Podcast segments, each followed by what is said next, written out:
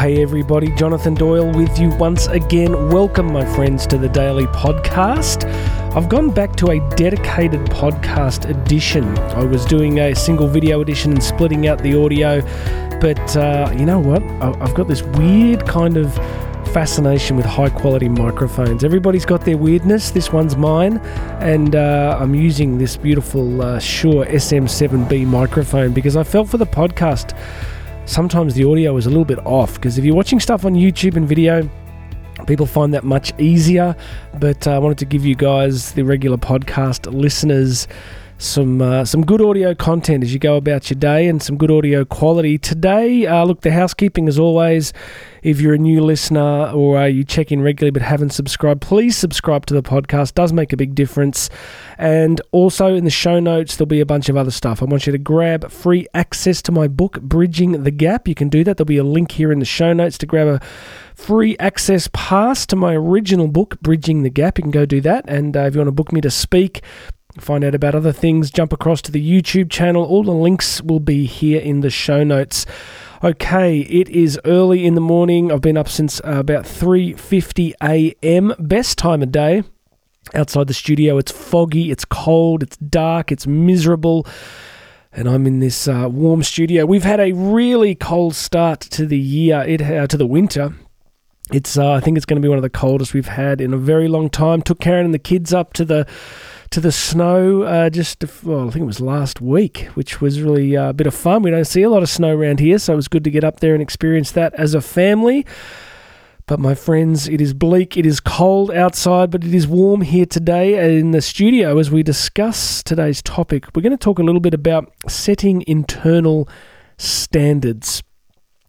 As many of you know, if you've been listening in regularly, I've been coaching a sporting team. I've been coaching my daughter's uh, Division Two soccer team, and it's been a really interesting journey. I've learned a great deal. They're a fantastic group of young women. It's been a real pleasure to do it.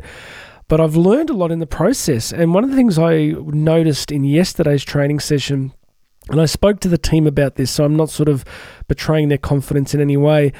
The issue of internal standards. Now, a lot of times we allow our external environment, other people, circumstances, our energy levels to set our internal standards. So we had a whole bunch of people training last night, and you can truly see the variance in the level of execution in the training drills. So I think we had about 14 players there last night, and you see this diverse set of performances and the drills were requiring a certain level of execution. But it's quite extraordinary to watch that you will have person X who just internally brings a high level of performance, and then you're going to have another player who's just not bringing it.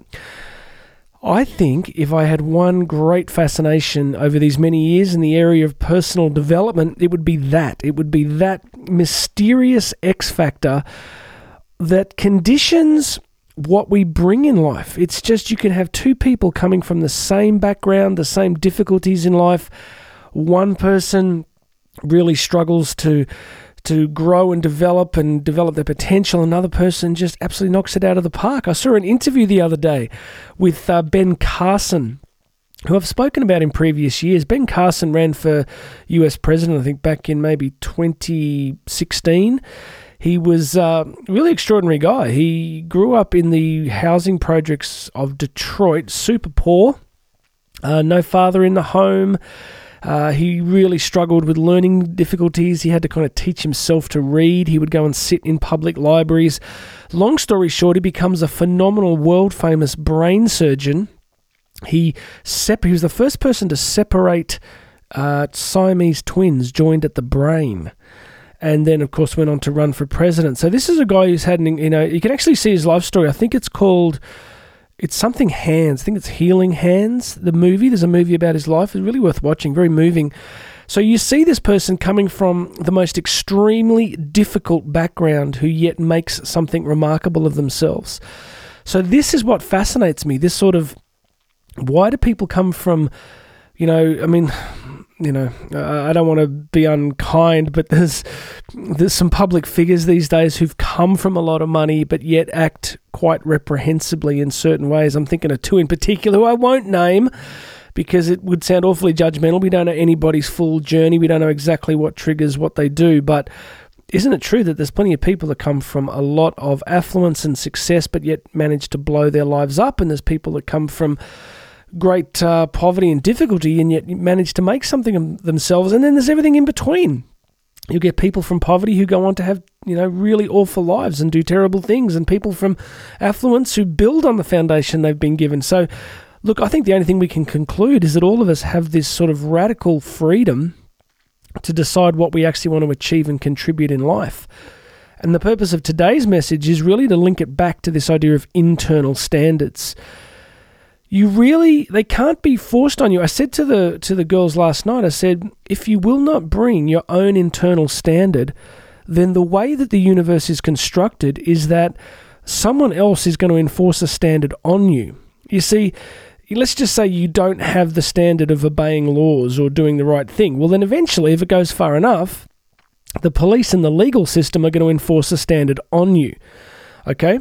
So you, you can see that if we don't eventually bring some level of internal standards, then the world around us is going to enforce all sorts of external standards and probably many of them that we won't like. So, what do you do? This is the great question, isn't it? This is the thing that keeps me awake at night. How do we do it? I think there's just you, you have to show up for yourself. You have to kind of go, I don't care what the weather's doing, what the economy's doing, what the government's doing, what my you know spouse or kids are doing. I'm going to set my own internal standard. And rather than being a burden, I think it actually leads to a kind of freedom, right? It leads to a kind of sense of no matter how difficult things are in life, you control the internal standard. You need to define it.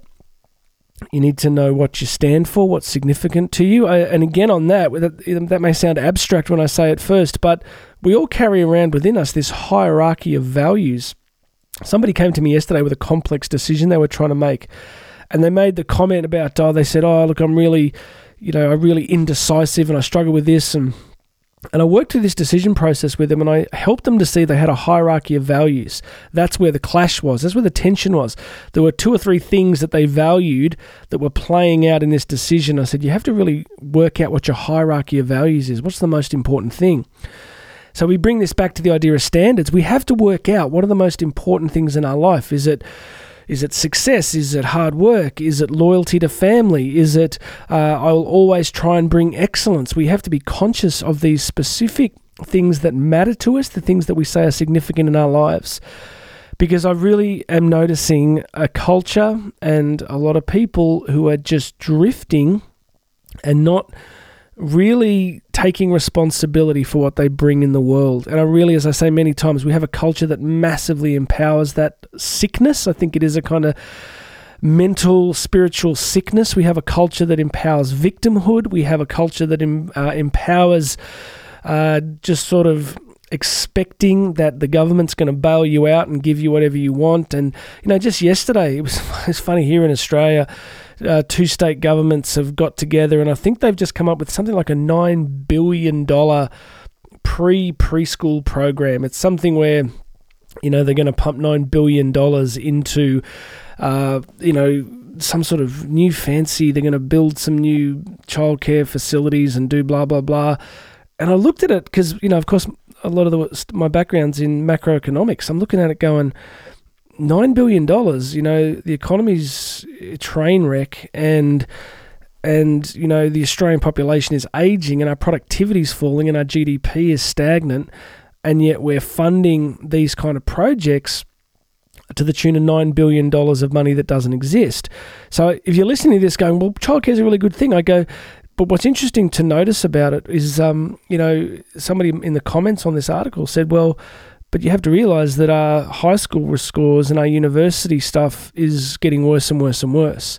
So we're throwing more and more money at the front end, but we're still getting the same results on the back end. But my my point in sharing this story with you is this: is that you know, honestly, uh, you, you, may think I'm a little cynical, but I, I, don't think it's really about because some people in government had this passionate concern for preschool education. I think it's just a vote buyer. I think it's basically just, you know, let's just, you know, throw $9 billion around. And there's elections coming up for one of these state governments. $9 billion, right? And what I'm getting at is that it leads to a sense of entitlement. It mean, leads to a sense of the government's responsible for providing all this stuff. And just trust me on this.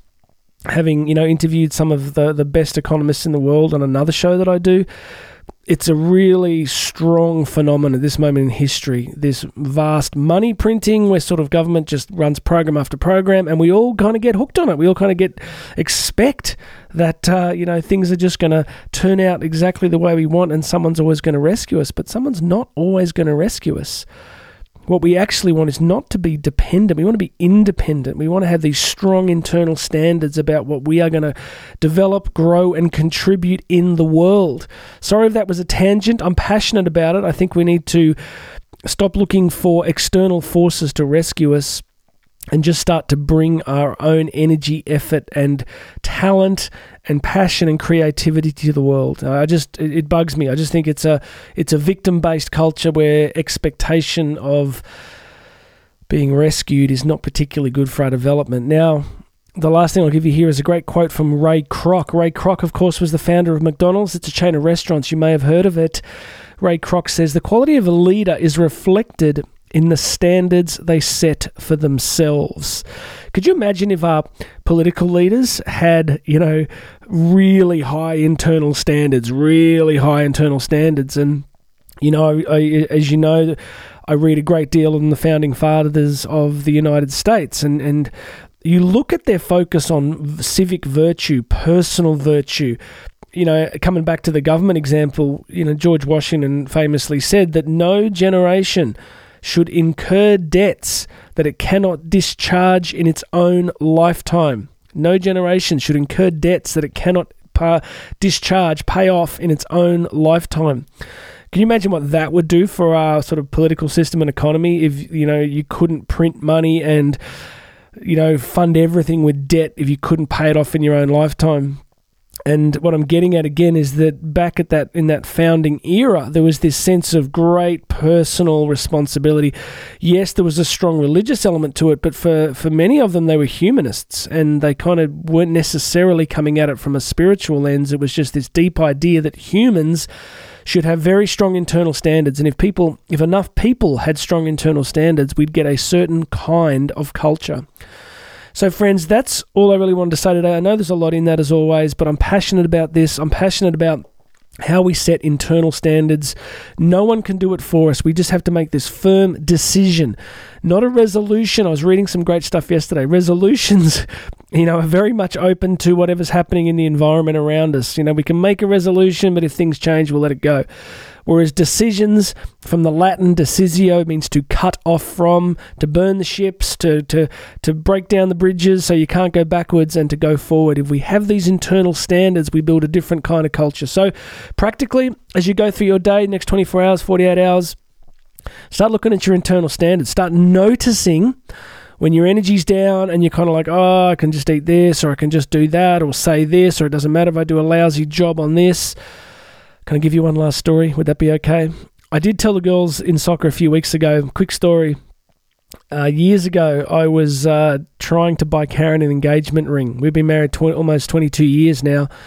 And I was working about six jobs. I was an undergrad at university, at college, and I ended up getting this job as what we called a dish pig. I used to scrub all the dishes in a commercial kitchen and do all the cleaning. And, uh, you know, one night I would uh, everyone would leave and they'd sort of close up, but I'd be one of the last people there, uh, doing all the final cleaning, mopping all the floors and all that stuff. And it was me and the security guard. And uh, one night I'm, I'm in there and I'm mopping, and I lean right down and I'm mopping this floor. And as I look across, I see under this big commercial dishwasher is this spoon right up underneath this dishwasher, right at the back on the floor. And I could tell it had been there for like, you know, since prehistoric times. This thing was glowing, it was that dirty. And I remember this profound moment where I had this strong sense. I thought, well, no one knows that I've seen that, and who cares if it stays there? And then I had this real moment of clarity, and I said, Jonathan, to myself, I said, You'll know that you didn't do it, that you didn't make the effort to pick it up.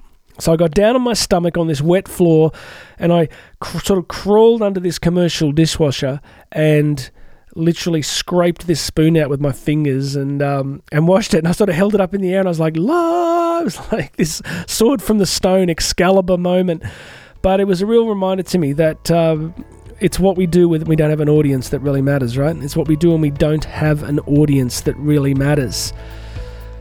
So, if you want to move your life forward, if you want to improve your outcomes, heck of a lot of it's got to do with internal standards. All right, that's it for me today. Please make sure you're subscribed. Go check out the links in the show notes. If you want me to speak at a conference, an event, work with your business, uh, reach out to me and make sure you grab that free access to the book, Bridging the Gap, that's in the show notes. I'd love you to share this with some people. If you like what you hear, and just uh, flick this along to a few friends and say, hey, you might like this. All right, everybody, God bless you. My name's Jonathan Doyle. This has been the Daily Podcast, and I'll have another message for you tomorrow.